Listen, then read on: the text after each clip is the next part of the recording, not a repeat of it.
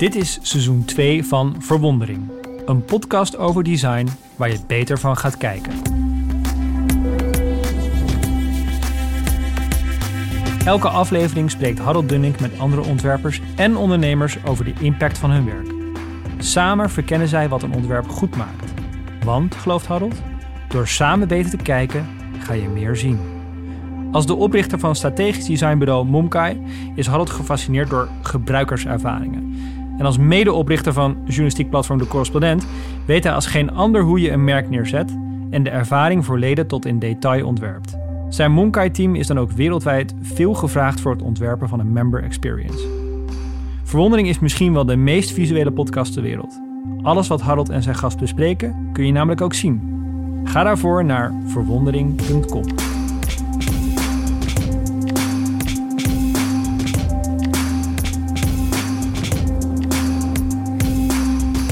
Velp. Hopingtoen en ik zijn er geboren en opgegroeid. Een mooi, rustig dorpje onderaan de Veluwe. Eens in de zoveel tijd, vaak een zondag, race ik op mijn omafiets naar het Chinese restaurant van zijn ouders. Om het eten op te halen en, zo beelde ik mij in, een nieuw baanrecord op de president Kennedylaan te vestigen. We kenden elkaar niet, maar wat heb ik Hopins talent later leren kennen zeg. Hij had namelijk totaal andere baanrecords in gedachten. Als jonge jongen ontstond een liefde voor racen die niet van huis uit werd meegegeven, zoals bij de meesten die in de autosport beginnen, maar bijzonder genoeg volledig uit hemzelf kwam. Op zijn achttiende uitgeroepen tot Nederlands talent van het jaar, vervolgens oppermachtig kampioen van de Formule BMW in Azië, waarna een testrit in de Formule 1 volgde voor het legendarische Williams. Hopin, die naast de Nederlandse ook de Chinese nationaliteit bezit, onder die laatste vlag rijdt hij ook en hij woont nu zelfs in Hongkong, werd zo de eerste Chinees die ooit in een Formule 1-auto reed. Er zijn zoveel unieke autoontwerpen waarvan hij het stuur mocht vasthouden. Uiteraard karts. Als eerste coureur voor het A1 Grand Prix Team China.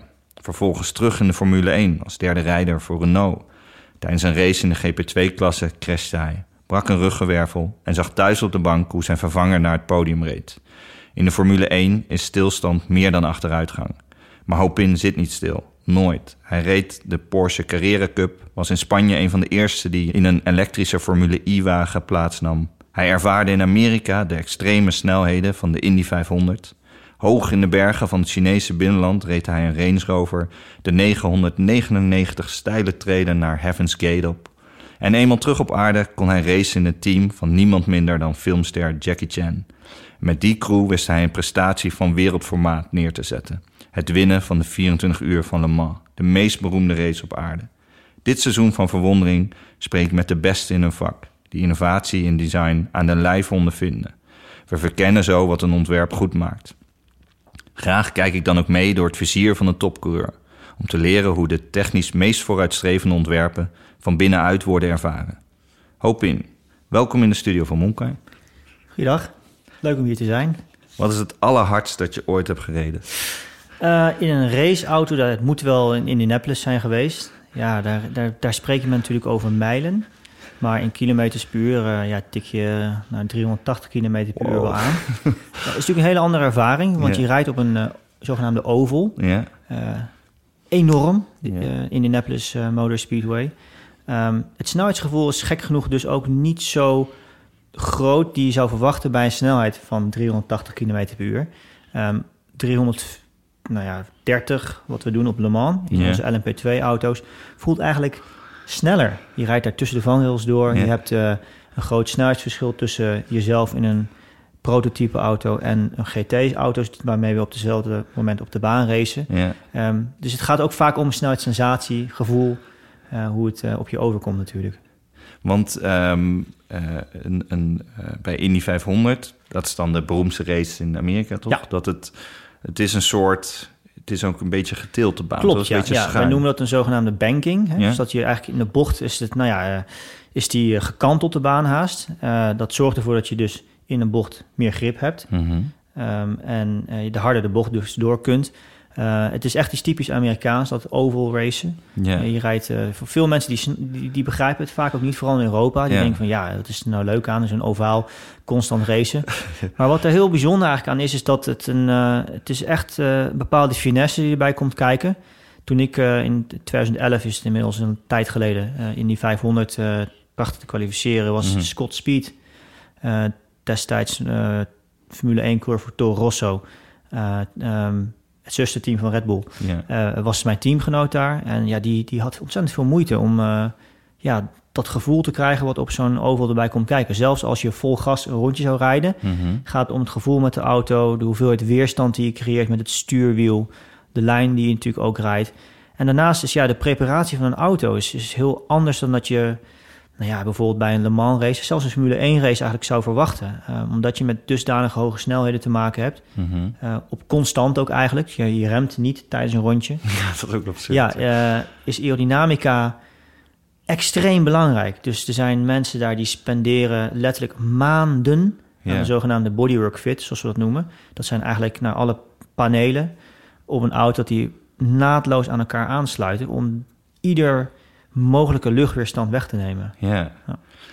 Ja, ik heb daarover gelezen bij uh, Adrian Newey, de legendarische autoontwerper. Uh, uh, heeft een fantastisch boek ook, How to Build a Car. Als je ooit iets leuks over autoracen wil lezen. Die, um, die in de tijd van Mario Andretti daar nog ook auto's um, voor ontwierp. En inderdaad ja, het is een een en al spel met de aerodynamica uh, en de afstelling van de auto, toch? Ja, klopt.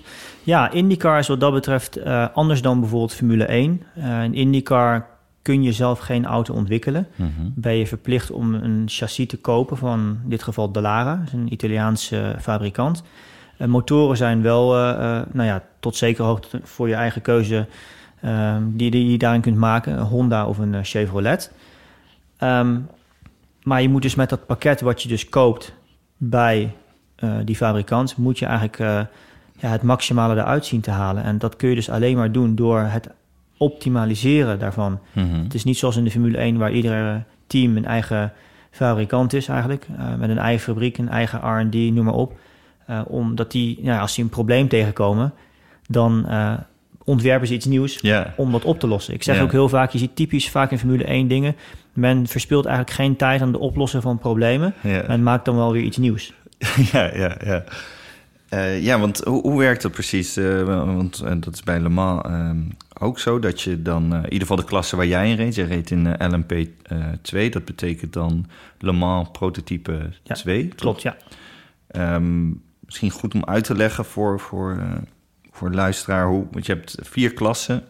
Um, fabrieksteam en dan Correct, ja.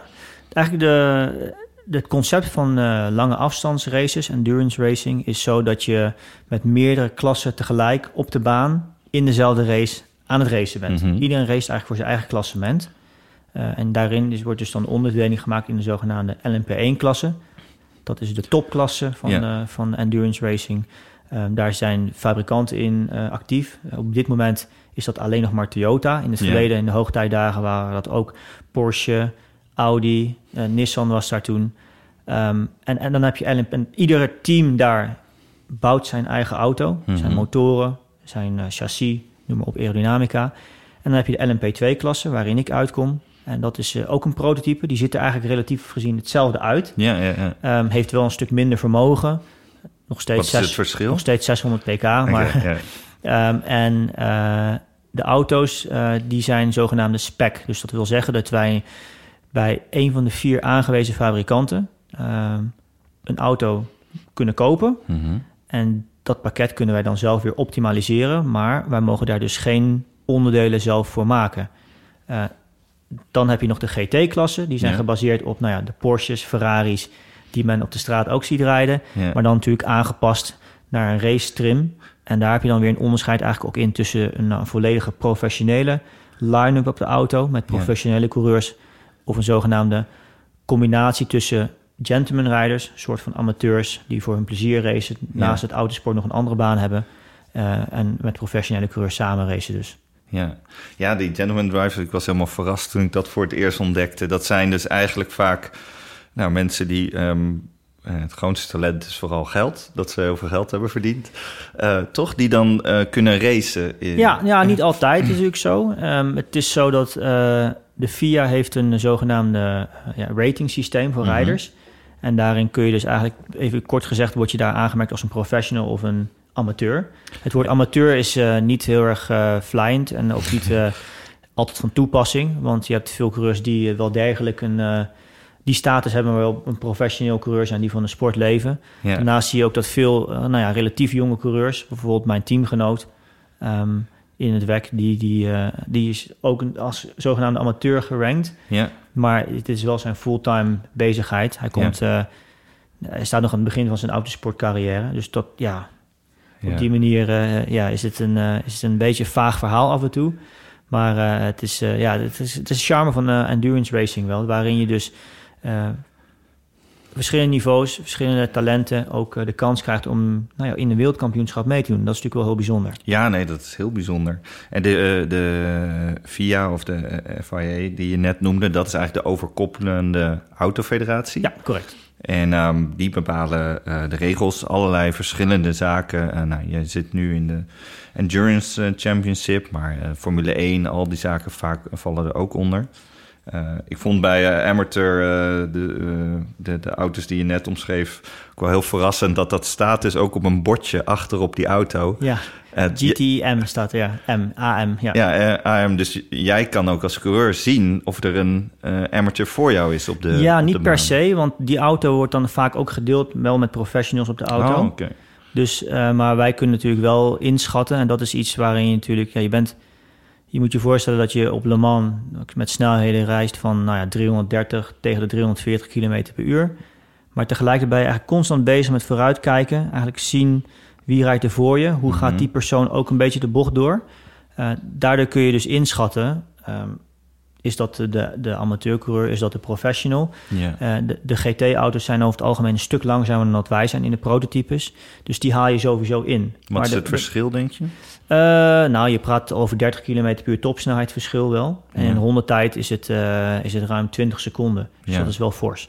En ja, aan de hand daarvan bepaal je dus ook van... oké, ik weet nu waar ik hem ongeveer ga inhalen. Kun je inschatten hoe, hoeveel risico je erbij moet nemen... hoe agressief je kunt zijn ook. Uh, noem maar op. Dus het is, een, het is een sport die niet alleen draait om het hard rondjes rijden. Het is ook Ja. een bepaalde ja, anticiperen, um, vooruitkijken, goed meedenken. Samen spel met het team ook, die je constant van informatie uh, voorziet. Van wat er gebeurt op de baan, wie er om je heen uh, is. Mhm.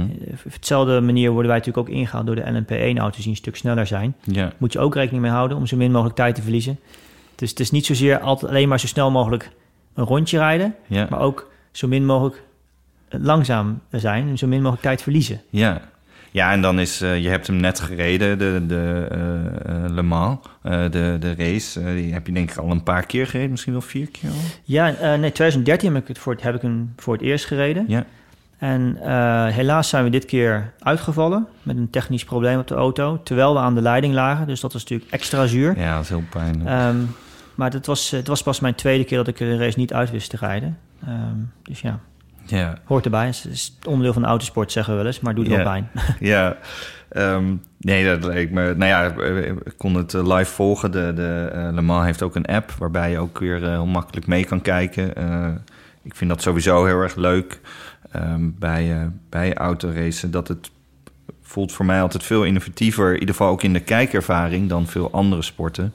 En ik beschouw eigenlijk uh, racen, en zoals bij Formule 1 of bij uh, zo'n endurance race, eigenlijk als ja, bijna de meest ontworpen sporten. Omdat de techniek zo belangrijk is. De specs die aan de auto worden um, gekoppeld. Uh, en allerlei regelgeving is bijna altijd weer bedoeld om het veiliger te maken ja. of eerlijker te maken. Zeker, ja. Ik zeg ook altijd gekscherend, uh, autosport is de enige sport ter wereld waar je eigenlijk bij, niet bij kunt trainen bijna. Wij zijn bijvoorbeeld reglementair ook uh, beperkt in het aantal dagen dat we mogen rijden. Ja. Um, dat is puur om toch een soort van, nou ja, om een eerlijk platform te creëren tussen de teams. Om ervoor te zorgen dat niet één team uh, constant maar aan het, aan het oefenen is ergens. Ja. En andere teams die misschien niet dat budget hebben, dat, uh, dat die dan al automatisch een achterstand oplopen. Maar dat betekent dat je dus echt niet in die auto mag rijden. Je mag alleen maar op bepaalde momenten in de, in de nee, auto. Nee, we kunnen ons daar van tevoren aanmelden. Van wij ja. willen nu een testdag doen, hier of daar. Ja. Of zelfstandig of in een georganiseerde test met andere teams samen. Um, Ja, het is altijd een beetje een kat-en-muisspel. Dat zie je niet alleen in onze klasse, maar ook in de Formule 1. Waar de FIA, ehm, die overkoepelende autosportorganisatie, natuurlijk constant bezig is met de verandering in de regelgeving. Het Ja. daarvan. Eh, kostencontrole is daar een heel grote factor in. Maar je ziet toch wel vaak dat dat dan teams er wel weer toe beweegt om, zich, om geld te investeren in andere zaken. Zoals Mhm. bijvoorbeeld een, eh, we noemen het tegenwoordig een driver in the loop simulator. Eh, waarin nou ja, wij als rijders zijnde met het team samen eh, niet alleen races meer voorbereiden tegenwoordig, maar ook gewoon echt actief autoontwikkeling weten te doen. Dus wij, ja, wij kunnen tegenwoordig gewoon autoontwikkeling doen zonder dat we daadwerkelijk op een circuit rijden. Wauw, ja. Dat is ehm Drive in the Loop eh, is ehm, wat misschien als, als leek eerder de simulator zouden noemen. Ja. Maar zoals ik het begreep, is de simulator eigenlijk niet meer...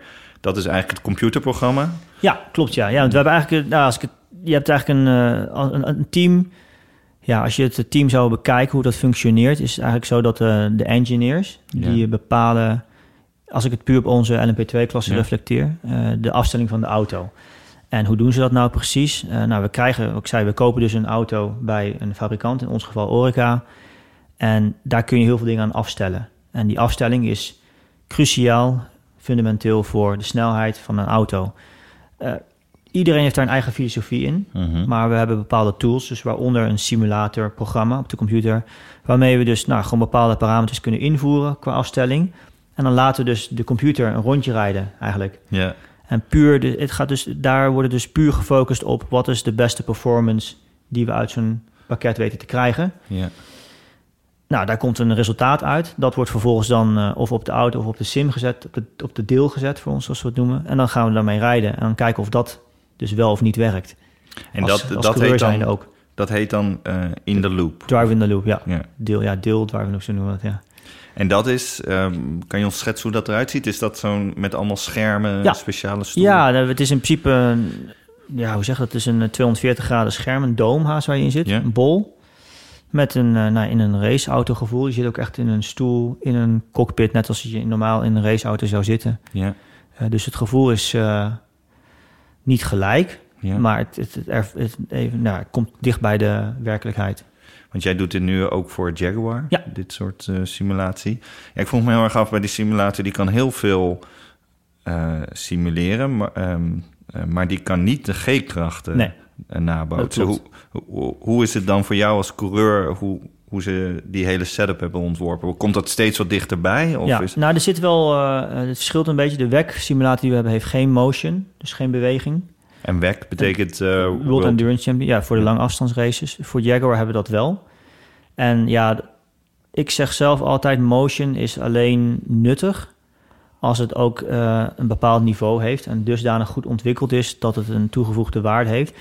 In die zin dat je eigenlijk niet merkt dat je motion hebt terwijl je rijdt in die, sim, in die deel. En motion bedoel je... Beweging. Dus je Ja. zit in je auto, in die simulator, in het, in het deel. En eh, het grappige is met bijvoorbeeld met Jaguar dan, eh, je merkt pas hoeveel je beweegt op het moment dat je tot stilstand komt. Bijvoorbeeld, je bent gecrashed of zo, dat gebeurt natuurlijk ook wel eens.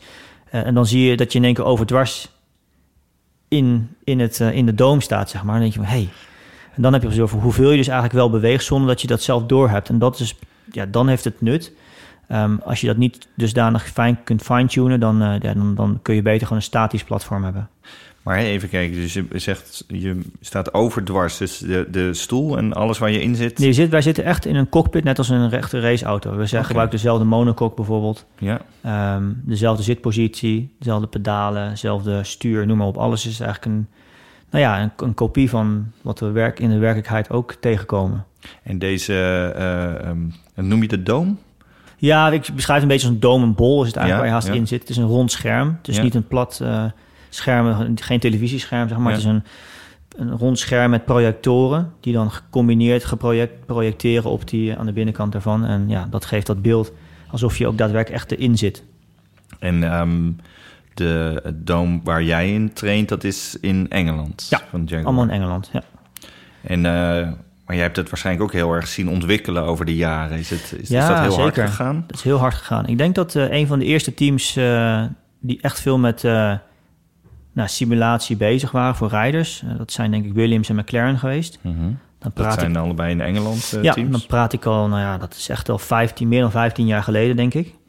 En dat heeft een enorme vlucht genomen. Ieder team, Formule 1 team zeker, heeft tegenwoordig een extreem geavanceerde simulator.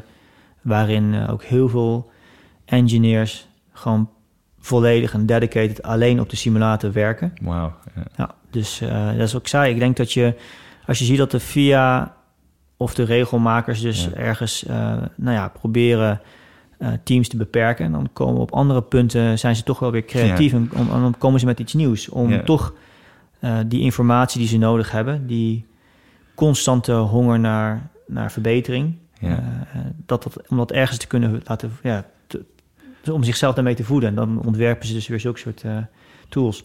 Ja, want dat is denk ik ook... eh, nou, in de beginjaren wa- was dat misschien teams van 10, 20, 30 man. Maar nu is een gemiddeld Formule 1 team 800 man. of Ja, wel? zoiets. Ja, Ja. ja. Ja, Praat over gigantische aantallen. Ja. Ja.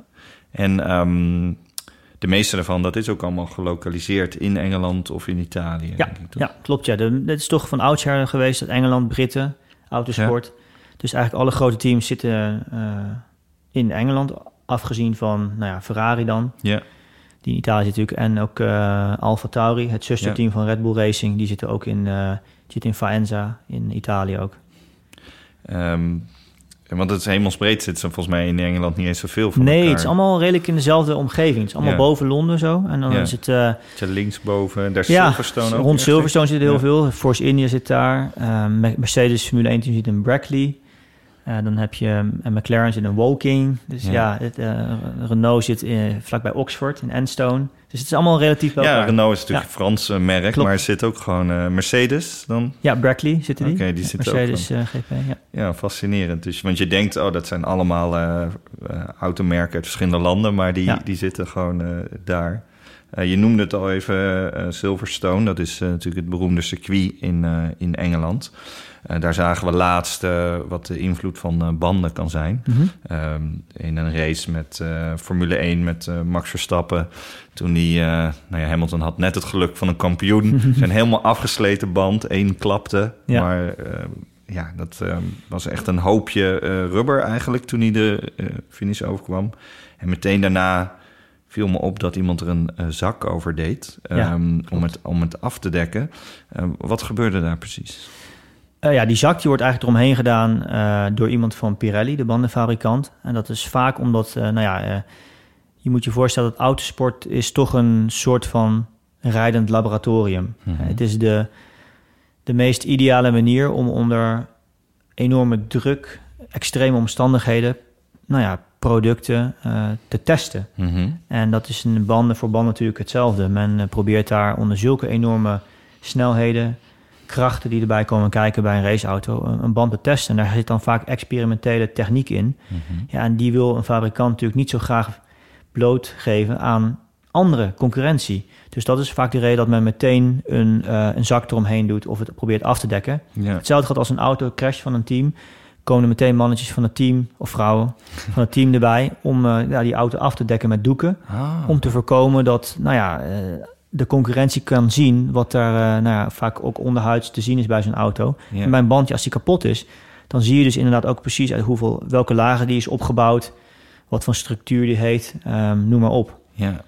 Ja, want in Formule 1 is dat nu, zijn dat Pirelli-banden. Ja. hebben een soort exclusieve licentie. Dus je, Klopt. je, je bent afhankelijk als team van, dat, van die band. Maar wat je net vertelde, nou, dat je uit verschillende onderdelen kan kiezen... mag je bij de banden mag je niet, mag je alleen maar van Pirelli inkopen Ja. in die eh, sport. Klopt, ja, dat is in Formule 1 is Pirelli de enige bandenfabrikant en supplier eigenlijk voor, voor, de, voor het klasse.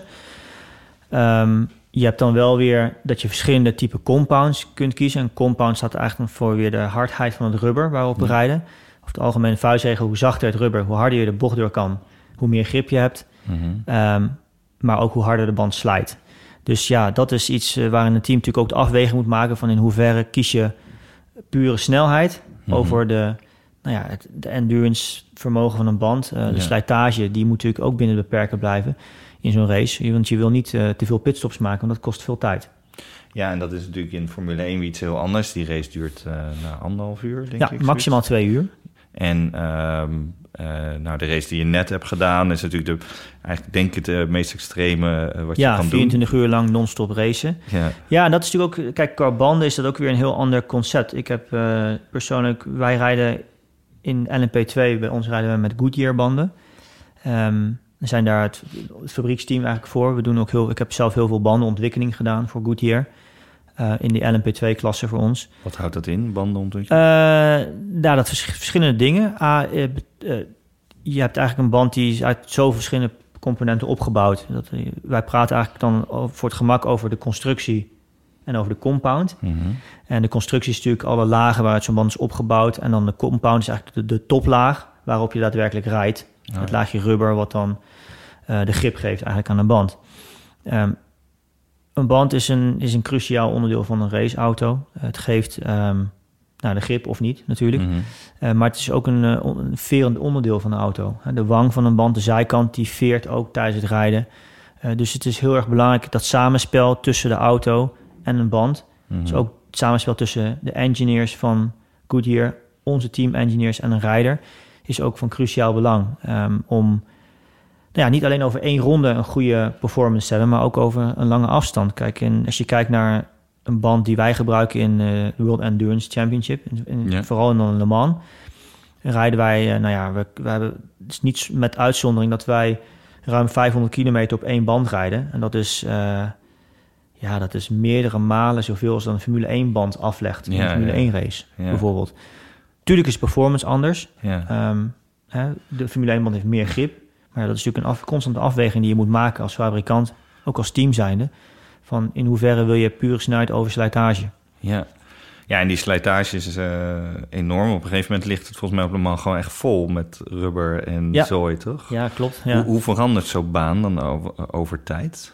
Ja, dat is iets ook waar wij natuurlijk in, eh, als, als coureurs zijn en als team ook in de afstelling van een auto rekening mee moeten houden. Ehm, als we aankomen op een circuit, dan zeggen we altijd dat de baan relatief eh, green is. Groen noemen we hem dan. En eh, zo'n zo'n circuit, die banden zijn heel erg zacht eigenlijk. Ja. Dus die, dat rubber blijft op het circuit achter. Natuurlijk zie je dat vaak in de vorm van kleine stukjes. Dat noemen we marbles. Ja.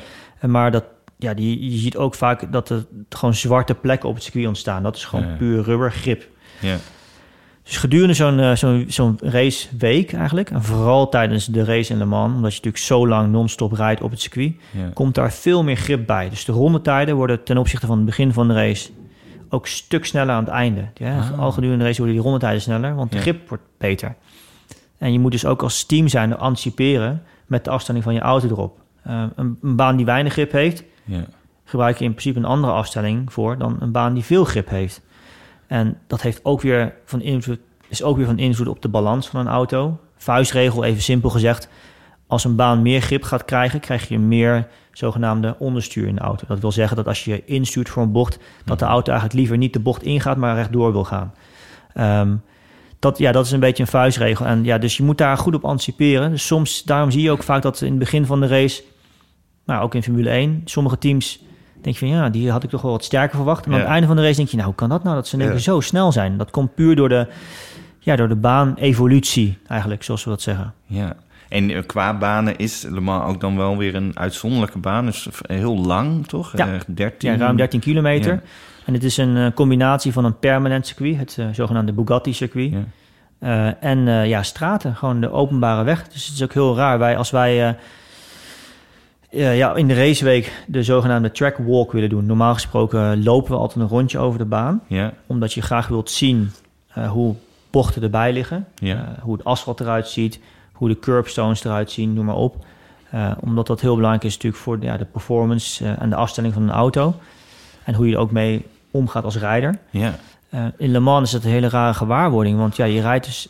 Je loopt in principe over de openbare weg. En we lopen niet die gele 13 kilometer overigens. We rijden dan van chicane naar chicane vaak op het Mulsanne Straight. En chicane is eh, een snelle Ja, is een eh, ja, korte bochtencombinatie. Ehm en ja, dus dat, eh, ja, het is een beetje zoals Monaco eigenlijk ook. Monaco is ook is natuurlijk misschien wel een van de meest beroemde stratencircuits Ja. ter wereld.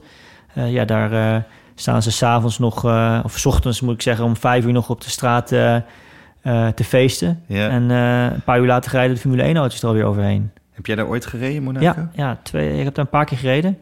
2008 heb ik daar op het podium gestaan in de GP2-series. Ja, wat het huidige Formule 2 eigenlijk is. Ja. Dus, ja, eh, want dan heb je, nou, de- ik denk de drie beroemdste circuits zijn eh, Le Mans, Monaco en Indianapolis, eh, ja. En Indianapolis. En Indianapolis, die noemen ze dan de Indy 500, Ja. de, de race in, eh, in Amerika. Ehm ehm, nou, lijkt me natuurlijk fantastisch als je die allemaal eens hebt mogen proeven. En welke vind je het mooist van die drie? Ja, ik persoonlijk Le Mans. Ja, omdat ehm, ik eh, vind endurance racing ontzettend mooi. Mhm. Omdat daar zoveel extra dimensies bij komen kijken. Ten opzichte van andere autosportklasses. Eh, teamwerk is misschien nog wel belangrijker dan in andere eh autosportklassen zoals Formule 1. Mhm. Je bent echt natuurlijk heel erg afhankelijk van je team. En ik zeg altijd dat de, ja, de, de, de teamstaf, de monteurs, noem maar op, dat zijn eigenlijk de niet gevierde helden van de race. Want ehm, wij als coureurs eh, zitten in de auto, wij rijden onze rondjes. En wij kunnen, als we uit de auto gaan, we roleren eigenlijk met drie coureurs in de auto. Ehm, Bij, Iedere- eh, bij zo'n endurance. bij zo'n endurance race. Dus iedere in Le Mans, in het geval van Le Mans is het zo dat we ongeveer iedere 2,5 uur kunnen wij vervolgens weer twee uurtjes rusten. Mhm. Maar monteurs moeten iedere 40 minuten een pitstop doen. Dus het is echt ja. een ultieme uitputtingsslag voor, voor hen. En hoe lang werken die aan één stuk dan? Op bij zo'n. eh, Nou ja, 24 uur?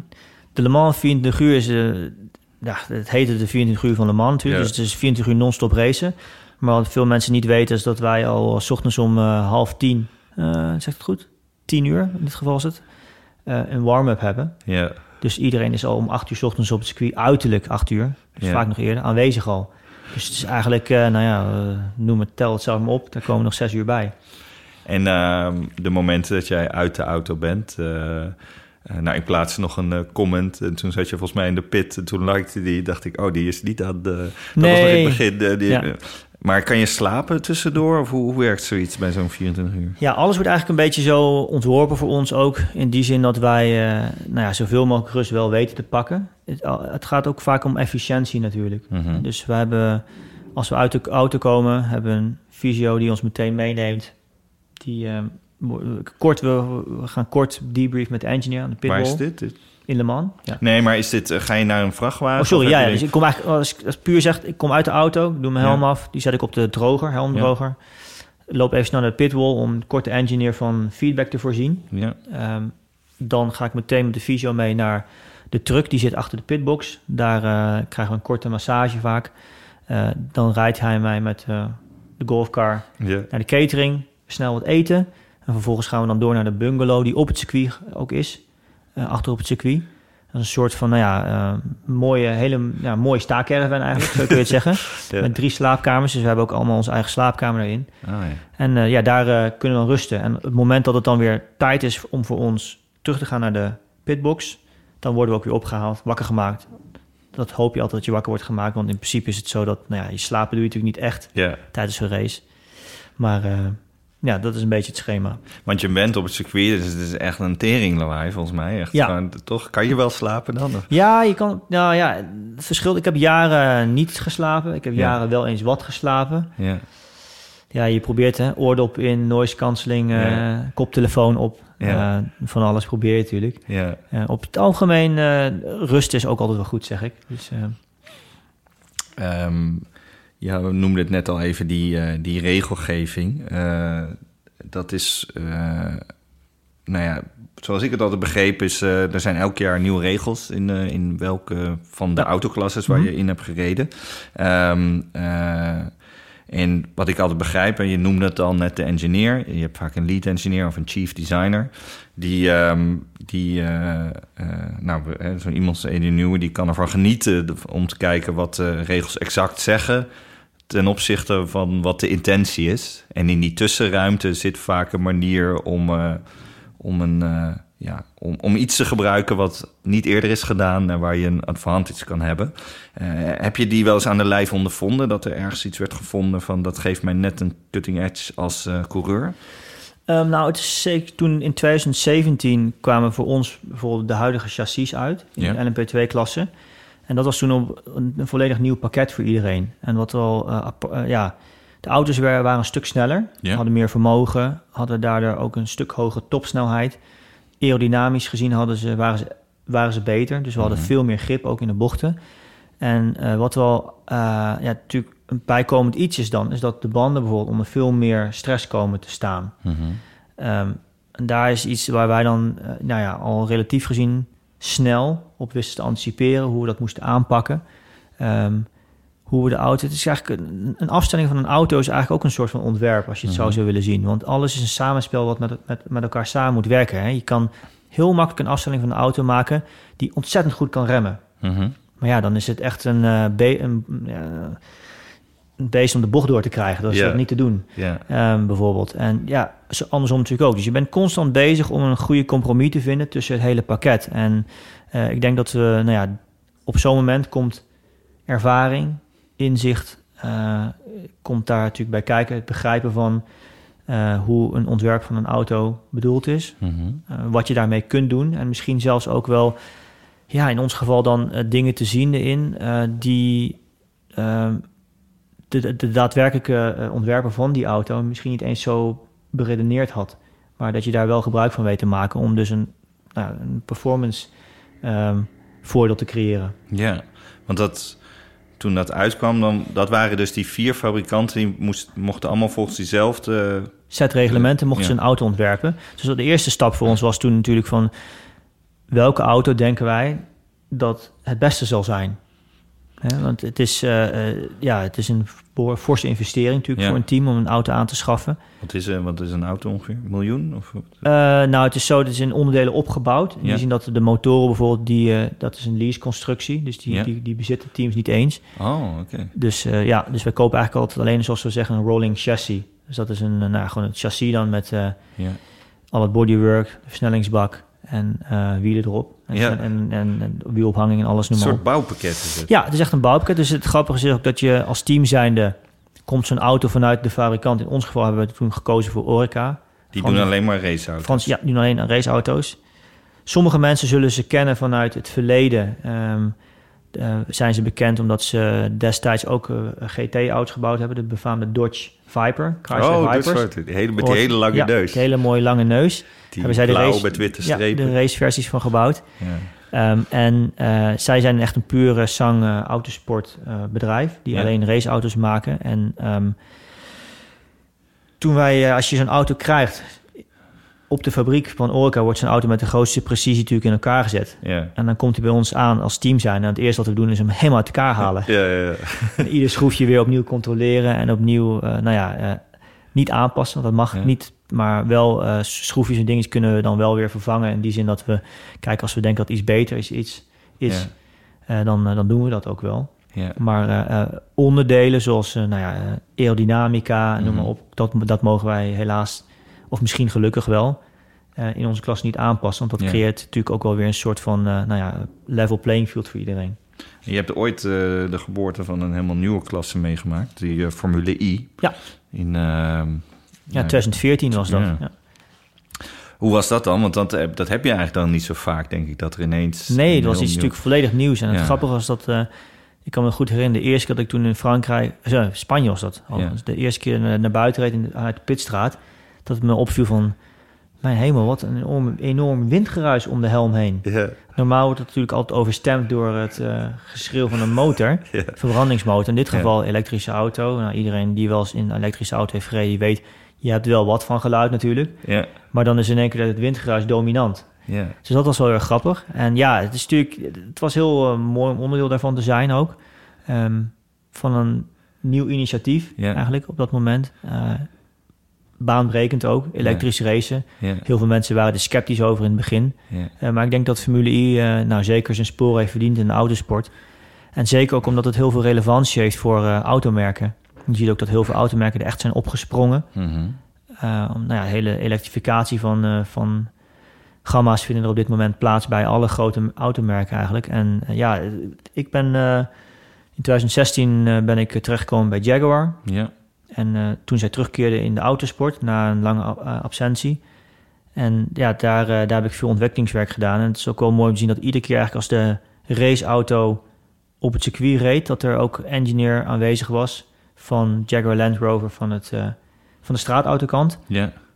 om ervoor te zorgen dat die data transfer ook daadwerkelijk plaats zou vinden op de juiste manier. Om daarvan te leren van wat leren we nou precies in de autosport, wat we kunnen implementeren in straatauto's. En vooral op ja, gebied natuurlijk waar wat iets wat zo nieuw is, Ja. waar veel innovatie in plaatsvindt, waar, eh, ik noemde het al eerder, eh, autosport eh, is natuurlijk een, een omgeving waarin technologie in zeer extreme omstandigheden wordt getest. Ja. Ja, dat, dat is echt een perfect testbed, zoals we dat noemen dan, voor, voor nieuwe technologie. Want hielp dat dan ook in die eh, ontwikkeling van die I-Pace? Dat is eigenlijk een nieuwere Jaguar. eigenlijk. Ja, de eerste, de eerste elektrische, auto Ja. die Jaguar ooit gebouwd heeft, zeker. En het grappige was dat we eh, als rijders daar ook wel enige invloed in hebben gehad. Ik kan me nog herinneren dat ik eh, in Engeland, Mallory Park was dat volgens mij, eh, toen met een Is dan een circuit? ja, circuit, Oké. een vroege versie van een prototype van de iPace gereden heb. Was al helemaal gecamoufleerd met van die Ja, en... Maar hele- zoals je dat vroeger in de autoblaadjes ja, precies. Ja, dan het hele interieur was helemaal afgedekt met allemaal doeken en lappen. En eh Ja. er zat een grote noodknop zit erin voor als er iets mis zou gaan. Oké. Echt, echt een puur prototype auto. Vet, ja. Ja, daar dan een, een rondje mee op gereden hebben op het circuit. En ja, dat is heel mooi dat je dan ook met Ian Callum, destijds Mhm. de hoofdontwerper van Jaguar, ehm, ja, over zijn auto spreekt. Zijn filosofie erachter, waarom hij bepaalde dingen gedaan heeft. En dat is, eh, ja, is heel mooi. Ik denk dat het, de elektrificatie van auto's... Je ziet toch wel dat veel fabrikanten nog steeds wel enigszins vasthouden van aan het standaard platform wat men kent Ja. in, in autoland. En dat dan elektrisch maakt. Maar eh, elektrische auto's door nou ja, wat er nodig is in een elektrische auto. Je hebt natuurlijk het accupakket en dan heb je de Mhm. motoren per as. Ehm, is er in ontwerp voor een ont autoontwerper zoveel meer vrijheid. Dus je kunt ook een daadwerkelijk een volledig nieuw concept neerzetten. En dat is iets wat bij, bijvoorbeeld bij die iPace is gebeurd. Ja. Eh, een auto die er, daar past geen benzinemotor in bijvoorbeeld. Dat is fysiek gezien niet mogelijk. Ehm, want hoe is de batterij dan over de hele bodem? Of hoe Ja, is die? nou, dat zie je eigenlijk over het algemeen wel Ja. bij elke fabrikant. Ja. Men de batterij eh, over de bodem legt of in een zogenaamde T-vorm. Hè? Ja. Dus waar normaal gesproken dan de, de, van de motor de as naar de versnellingsbak zou gaan of de aandrijflijn. Ja. Ehm, ja, dat in een elektrische auto eh, heb je dus die, die batterijpak en dan heb je die motoren die zijn relatief klein, compact. Dus je hebt voorin niet meer dat gewicht zit ook van een motor. Mhm. Eh, de gewichtsverdeling is een stuk voordeliger. Het is lager. Mhm. Het zwaartepunt ligt een stuk lager. Dus over het algemeen is de wegligging heel goed. Ja, en de efficiëntie is heel hoog ook, omdat je, ehm, je kunt regenereren. Mhm. Eh, niet zozeer alleen tijdens het remmen. Vaak is het zo dat als je de rempedaal intrapt van een elektrische auto, dan denk je dus dat, net als bij een, eh, nou ja, bij een normale auto, bij een fiets, dat dus die remblokken op de schijven gaan. Dat is niet het geval. Eh, vaak is dan de motor die draait zich eigenlijk om, waardoor je de, de batterij weer laat. Dus de Ah. zogenaamde regeneratie waar we over spreken. En dat kun je op verschillende niveaus kun je dat eh, doen. met verschillende sterktes, vermogens ook eigenlijk weer. En dat is iets natuurlijk waar de autosport dan bij komt kijken. Want je kunt je voorstellen dat als je... eh, ik, ik vergelijk het altijd het liefst met een mobiele telefoon. Mhm. Iedereen heeft het wel eens meegemaakt... dat je bijvoorbeeld eh, nou, eh, een filmpje aan het kijken bent op je mobiele telefoon... en nou, je, je, je, je hebt wat, min, wat weinig batterij... dus je Mhm. probeert hem, je wil hem tegelijkertijd opladen. Dat ding wordt loei en loei heet. Ja, ja, ja. Dat is de accu. Omdat je natuurlijk tegelijkertijd probeert hem te... Je vraagt energie ervan, omdat Ja. je het filmpje aan het kijken bent. En je probeert ook tegelijkertijd te laden. En, en dat is natuurlijk bij een, een straatauto, elektrische straatauto of raceauto in dit geval, eh, hetzelfde. Ja. Je probeert zo agressief mogelijk te laden, want je wil zoveel mogelijk energie regenereren, want dat kan je later dan weer gebruiken. Eh, maar je wil ook zoveel mogelijk performance, dus je aandrijving vragen van Ja. de batterij. Die, die thermische limitaties, dat is iets natuurlijk waar wij constant op proberen te balanceren in de autosport. Om ervoor te zorgen dat eh, nou ja, de- optimaal eh, benut wordt. En dat is weer iets wat we in de straatauto's ook kunnen gebruiken. Mhm.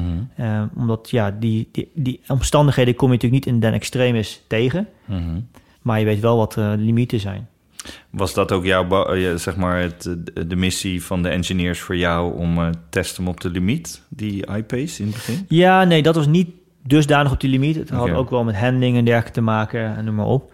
Ehm, er zijn, ja, er is een, zo'n programma van zo'n, zo'n ontwikkelingsprogramma van een auto is dusdanig gecompliceerd. Er zijn heel veel mensen eh, bij betrokken. Mhm. Eh, en eigenlijk wordt al die informatie samengevoegd. En dat is niet alleen bij een straatauto-ontwikkeling, maar ook bij een raceauto. Mhm. Ehm, het is eigenlijk zo dat je vaak in raceauto's zeg ik, je hebt eh, verschillende filosofieën als het komt op hoe, hoe je een auto ontwikkelt of afstelt. Waar je zag dat voorheen de feedback van een coureur extreem belangrijk was om, nou ja, om de ontwikkeling aan te geven van een auto en de richting ook, is dat tegenwoordig misschien iets minder geworden. Omdat door alle datasystemen die er zijn, eh, als ik in een raceauto rijd, is alles wat ik doe wordt geregistreerd. Iedere beweging, stuurwielbeweging, gaspedaal, rem, eh, de lijnen die ik rij, alles wordt geregistreerd. En eh, aan de hand daarvan kunnen engineers eigenlijk ook al zien van wat is wel goed, wat is niet goed. En dus de feedback van een coureur is in die zin belangrijk, want eh, nog dat belangrijk omdat het een coureur vertrouwen geeft. Vertrouwen is vaak vertaalt zich automatisch in meer snelheid, Ja, betere rondetijden. Maar voor puur zangontwikkeling eh hebben ze tegenwoordig aan data heel veel al. En misschien wel genoeg zelfs.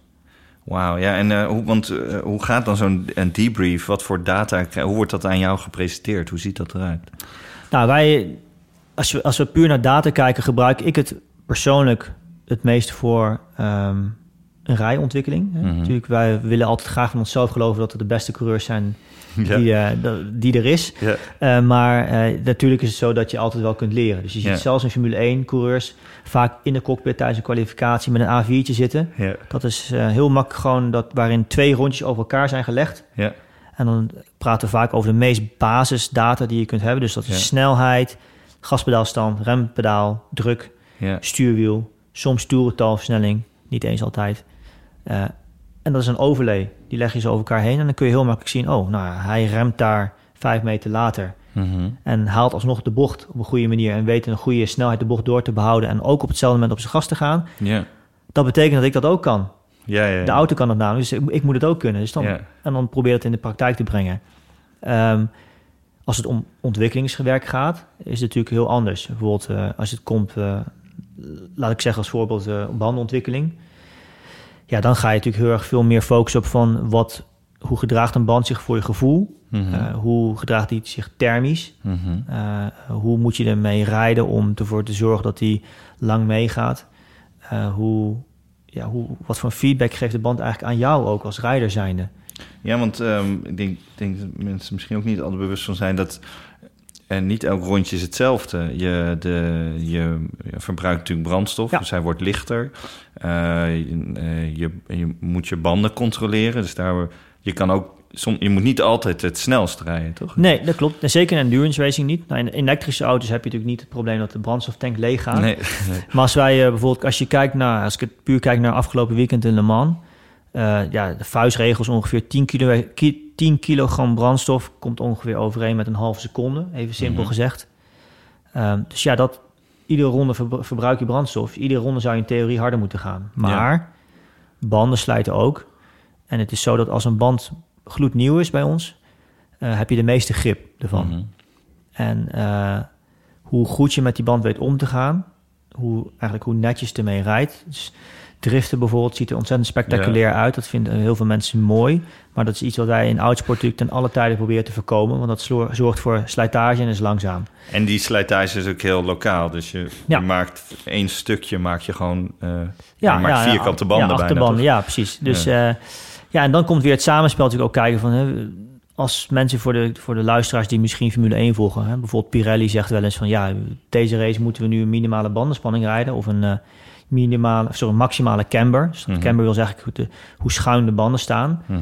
Ehm, ja, dat heeft allemaal weer invloed natuurlijk op hoe een band functioneert... en hoe een band werkt. Als je een band harder, harder oppompt, wordt die ronder heb je minder loopvlak. Eh, biedt hij wel weer meer support aan de constructie van een band. Is die eigenlijk een soort van sterker. Ja. Eh, maar ja, is die, is die wel minder, biedt die minder grip. Moet je als team zijn er ook weer op anticiperen. Ja. Eh, een band die stijver is, eh, moet samenwerken met de wielophanging, met de demping, de vering. Moet je daar misschien weer zachter in gaan. Dus het is een constant eh, spel zit, eh, tussen alle componenten samen.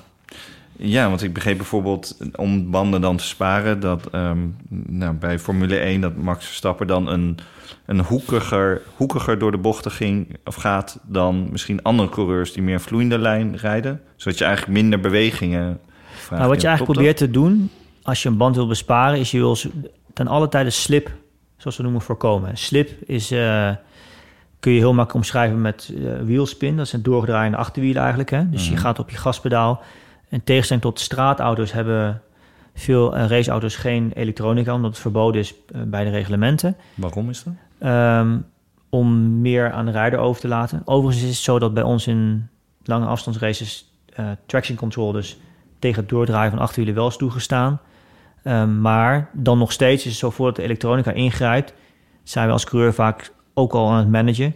Om te Mhm. voorkomen dat je zo min mogelijk slip creëert. Want slip creëert weer temperatuur, Mhm. slijt, creëert weer slijtage, ja, thermische slijtage ook onder andere. En hetzelfde geldt voor de vooras. Eh, daar heb je natuurlijk geen aandrijving op in een raceauto, maar de manier waarop je door een bocht doorstuurt, ehm, je hebt te maken met een, nou, misschien wordt het iets te technisch, maar het een optimale radius voor een Ja. bocht, hè? Ja, hoeveel je zou moeten sturen. ja, Als je als coureur iets meer stuurt, ja. haal je meer performance eruit, want je kunt eigenlijk dan die, de bocht sneller maken, eigenlijk even simpel gezegd. Maar daarmee verg je ook wel meer van de voorbanden. Creëer je meer slijtage door. Dus ten alle tijde slip voorkomen is hetgene wat eigenlijk de truc is om zo de bandenslijtage te beperken. Dus je, het is niet hoekige rijden, misschien, bepaalde type bochten. Daar maak je ook weer een onderscheid in snelle bochten, langzame bochten. Ja, ja, ja. Langzame bochten rij je hoekiger, Ja. die V je eigenlijk. Dus je remt zo lang mogelijk rechtuit.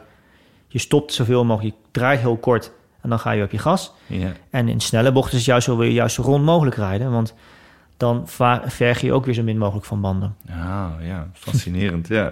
Ehm, van alle auto's die je eigenlijk hebt gereden, wat vind je dan eigenlijk de leukste waar je in, ooit in hebt gereden? Nou, ik denk dat Formule 1 natuurlijk wel blijft altijd wel Formule 1. Ja. Dat is heel bijzonder. Ik heb eh, in 2010 ook regelmatig testwerk verricht voor het Renault Formule 1 team destijds. Wat maakt het zo anders in, in, qua auto? Want er er kunnen... Omdat Formule 1 worden constant nieuwe dingen verzonnen door de engineers en, en ook gemaakt. Ja, Als je kijkt naar een Formule 1 team, ik weet nog heel goed, ik was in eh, eh, vlak voor de zomerbreak, in augustus was ik op de fabriek toen. En toen was men al aan voorvleugel versie 23 op dat moment van het seizoen. Dan is het Ja. seizoen nog niet eens halverwege. En hoe dat eigenlijk gaat, zo'n ontwerpproces is heel interessant. Want ehm, nou ja, het is een beetje het visuele cirkeltje van autosport. Eh, de FIA, de overkoepelende Ja. organisatie, probeert dan om de, de kosten te drukken door te zeggen... nou, we willen eigenlijk niet meer dat men windtunnel gebruikt, zoveel. Ja. Dus het aantal uren wat je in een windtunnel kunt gebruiken... met een schaalmodel auto eigenlijk, is het eigenlijk... 60 procent? Ja, eh, ik weet eigenlijk niet hoeveel procent Ja. het is tegenwoordig. Maar ehm, dat kunnen we even opzoeken misschien later in Nou, boek ik- wat, ik, wat, ik, wat ik Ja. daar las, was, eh, was het eerst 40. Volgens mij is het nu Ja. 60 procent. Zou kunnen, ja. Gewoon Eh, die, die, die windtunneltijd wordt beperkt. hè? Ja. En toen is, zijn teams heel veel gaan investeren in zogenaamde CFD, dus Computational Fluid Dynamics, waarin je eigenlijk op een computersimulatie min of meer hetzelfde kunnen doen als in een windtunnel, alleen dan Mhm. op een computer. Dat is natuurlijk ook op een gegeven moment weer aan banden gelegd door de VIA. Je mag maximaal zoveel gebruik ervan maken. Maar wat eigenlijk het interessante daarin is dat het averechts werkt. Want Mhm. omdat die limitaties er zijn, is het zo dat jij bent een, een ontwerper en die ontwerper maakt een voorvleugel. Die hebben daar een bepaalde verwachting van. Die doen het in CFD, proberen ze die er doorheen te draaien. Nou, Mhm. dat geeft bepaalde resultaten. Dan denken ze, nou, dat is goed. ja. We maken dat in schaal voor de windtunnel. Ze zetten dat vervolgens in de windtunnel, zetten ze dat op de auto. Geeft dat niet meteen de resultaten die men verwacht, dan zetten ze meteen die windtunnel ook weer stil. Want als je hem laat doordraaien, dan gaat dat van je tijd af die je zou mogen gebruiken. ja. Dus wat eigenlijk gebeurt is dat doordat dus die tijd gelimiteerd wordt, de kosten hoger. Want zo'n onderdeel, in plaats van dat je in het verleden misschien zou proberen om iets te tweaken om het dan alsnog goed te laten werken, wordt die meteen nu stilgezet. En dan hup, dat gaat dan weer terug naar de ontwerpafdeling. Dan moeten ze het weer opnieuw begint het cirkeltje weer voor vooraf aan het spelletje. Dus daarom heb je constant die, die, die, ja, die cirkel waarin je eigenlijk werkt als team zijnde in de, in de Formule 1. En wat zouden ze daaraan moeten veranderen, volgens jou? Ja, niks. Dat is gewoon een constant spel. En dat, dat blijft ook altijd wel zo. Men komt nu eh, met een budget cap in Formule 1. Ja. En eh, daarin ja, wordt een plafond voor, voor, voor kosten gesteld door de organisatie. Dat zal zeker helpen. Ja. Maar tegelijkertijd eh, blijven teams wel creatief natuurlijk. Ja, ja. Ja, en vanaf eh, 2022, een jaartje is het uitgesteld, komt ook de nieuwe... Een wagen. reglement, ja. dus dan ziet de auto ook anders uit. Klopt, hij, is, ja. hij is kleiner dan de ja, huidige. en er komt eh, veel meer neerwaartse druk. Hè. De, eh, Formule 1. Raceauto's over het algemeen. Eh, het grootste verschil tussen een raceauto en een straatauto is niet zozeer het motorvermogen. Tegenwoordig hebben we ook straatauto's. Ik zag laatst zelfs al Tesla een auto presenteerde met meer dan 1000 pk. Noem maar op. Eh, dit zijn Ja. natuurlijk getallen, Ja. duizendwekkende getallen zijn dat. Ja. Eh, dat heb je in de autosport natuurlijk ook wel. Alleen het meest indrukwekkend van een raceauto is de grip in een bocht en de aerodynamische grip vooral dan. En dat is natuurlijk iets wat, eh, nou ja, wat constant verbeterd wordt met meer kennis die wordt vergaard, met ideeën die ontwerpers weten toe te passen op, eh, op auto's. En de FIA die probeert constant daarin terug te, snijden, terug te, te stappen om Mhm. die auto's langzamer te maken. Want anders, als je dat los zou laten, worden de auto's sneller en sneller en sneller. En dat kun je eigenlijk nu zien ook. Ik zag een mooie graphic bij de Formule 1 race van Spa-Francorchamps. Mhm. Waarin Pouhon, dat is, nou iedereen praat eigenlijk over Eau Rouge, Mhm. Radion, dat is die, die mooie bocht omhoog. ja, ja, zeker. Zeer spectaculair. In, Ja. eh, in onze LMP2-klasse is hij net vol gas. Het is echt wel even werken, maar het is wel net vol gas. In Formule 1 is het eigenlijk geen bocht meer. Het is echt makkelijk vol gas omhoog. Wauw. En eh, tegenwoordig is Pouhon, dat is een dubbele linkerbocht, een bult af. Is echt de meest spectaculaire bocht voor, voor Formule 1. Ja, ik geloof dat eh, met een aantal jaar geleden is het snelheidsverschil nu was, is, is 40 km per uur harder gaat men naar de bocht door. Wauw. 40 km per uur. Ja. 285 in plaats van 245. Puur aerodynamische grip. Ja, de, gewoon de ontwikkeling ook. Dat eh, vroeger kon je dat noemen zo'n full flat, toch? Dat je, of flat out. Dat, Flat je, out, gewoon- ja. dat je helemaal, eh, wat we eerst helemaal niet kon. Ik had eh, voor het eerst van mijn leven kaartjes voor Spa van Cochal eh, op eh Eau Rouge. De, de, een Ja. van de beroemdste bochten van, van het... Ja, ter wereld misschien wel. ter, ter Ja. wereld, denk ik, ja. Dus ik dacht, oh, dat lijkt me toch het mooiste. Het is, je ziet een baan omhoog komen en ze maken eigenlijk voor jou de bocht. En Spa is een, een circuit heel mooi in de bossen van, van België. Ja, van de Ardennen. Ja, Maar ja, toen kwam corona. helaas. Dus helaas. Ehm, je hebt net eh, Le Mans gereden. Welke uitdaging komt er, eh, staat er eh, nu voor de deur? In het wereldkampioenschap hebben wij nog één race in Bahrein. Een acht uur race is dat. Dus een, nou ja, een volledig andere setting, omgeving ook. Eh, De woestijn. ja, ehm, gewoon een normaal circuit ook weer. Dus ja, het is een hele andere, vereist ook weer een hele andere afstelling van de auto. Voor Le Mans gebruiken we een speciale aerodynamische kit op de auto. Met minder aerodynamische grip, minder neerwaartse druk. Maar daardoor dus ook minder drag, zoals we noemen. Dus luchtweerstand, waardoor we Mhm. veel harder gaan op het rechte stuk. Mhm. Ehm, dus ja, dat die, de high downforce kit, zoals we dat noemen, die komt in, eh in Bahrein weer op de auto. Want Dus Bahrein heeft niet zo'n heel lang stuk. Nee, als je in, eh, precies. dat is ook uniek, toch? Aan Mans. ja, lange rechte stukken, ja. En dat is ook, ja, dat is iets als coureur zijn ook. Je moet constant, het is heel grappig, het is apart, dat aerodynamische grip is iets wat je natuurlijk niet kunt zien. Mhm. Het is ook wat moeilijker om te voelen, in die zin dat je, je moet erop vertrouwen dat het er is. Je, je weet met een bepaalde, dat je met een bepaalde snelheid de bocht door moet kunnen gaan. Mhm. In theorie is het natuurlijk zo, hoe harder je de bocht doorgaat, hoe beter zo'n vleugel werkt, hoe meer grip je hebt. Mhm. Maar er zit natuurlijk wel een limiet aan. ja, ja. Ehm, eh, als eh, laatste vraag. Ehm, eh, voor welk ontwerp ben je het meest dankbaar? Ehm, nou, mijn persoonlijk mooiste sportieve succes heb ik geboekt in 2017 op Le Ja. Mans. Waarin ik eh nou, in mijn LMP2-klasse wist te winnen. Ja. En tweede overall finishte. Ehm, wat nog nooit was gebeurd in de volledige 85 edities, historie. Ja, je, je reed nog zelfs eh, een hele tijd aan de eh, overall vooraan. leiding. En ja, waarin wij dus als een auto uit een LMP2-klasse... eh, auto's uit de LMP1 wisten te verslaan. Wat ja, uniek is. Je praat over auto's die hebben een budget... wat tientallen malen groter is, Ja. letterlijk. Eh, wat, ehm, nou ja, op piekvermogen bijna dubbel vermogen heeft... Wat wij hebben.